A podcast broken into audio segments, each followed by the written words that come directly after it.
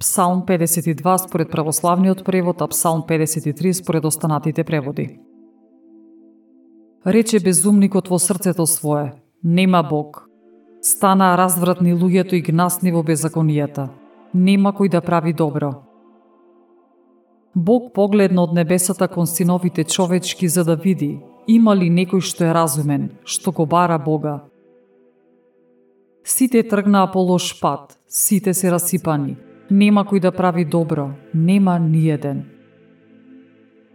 Зар нема да се вразумат оние што вршат беззаконие, оние што го јадат народот мој, како што го јадат лебот, но Бога не го повикуваат? Ке затреперат тие од страв, страв како што досега немало, зашто Господ ќе им ги растори коските на оние што те обколуваат. И тие ќе се посрамат, зашто Бог ги отфрли.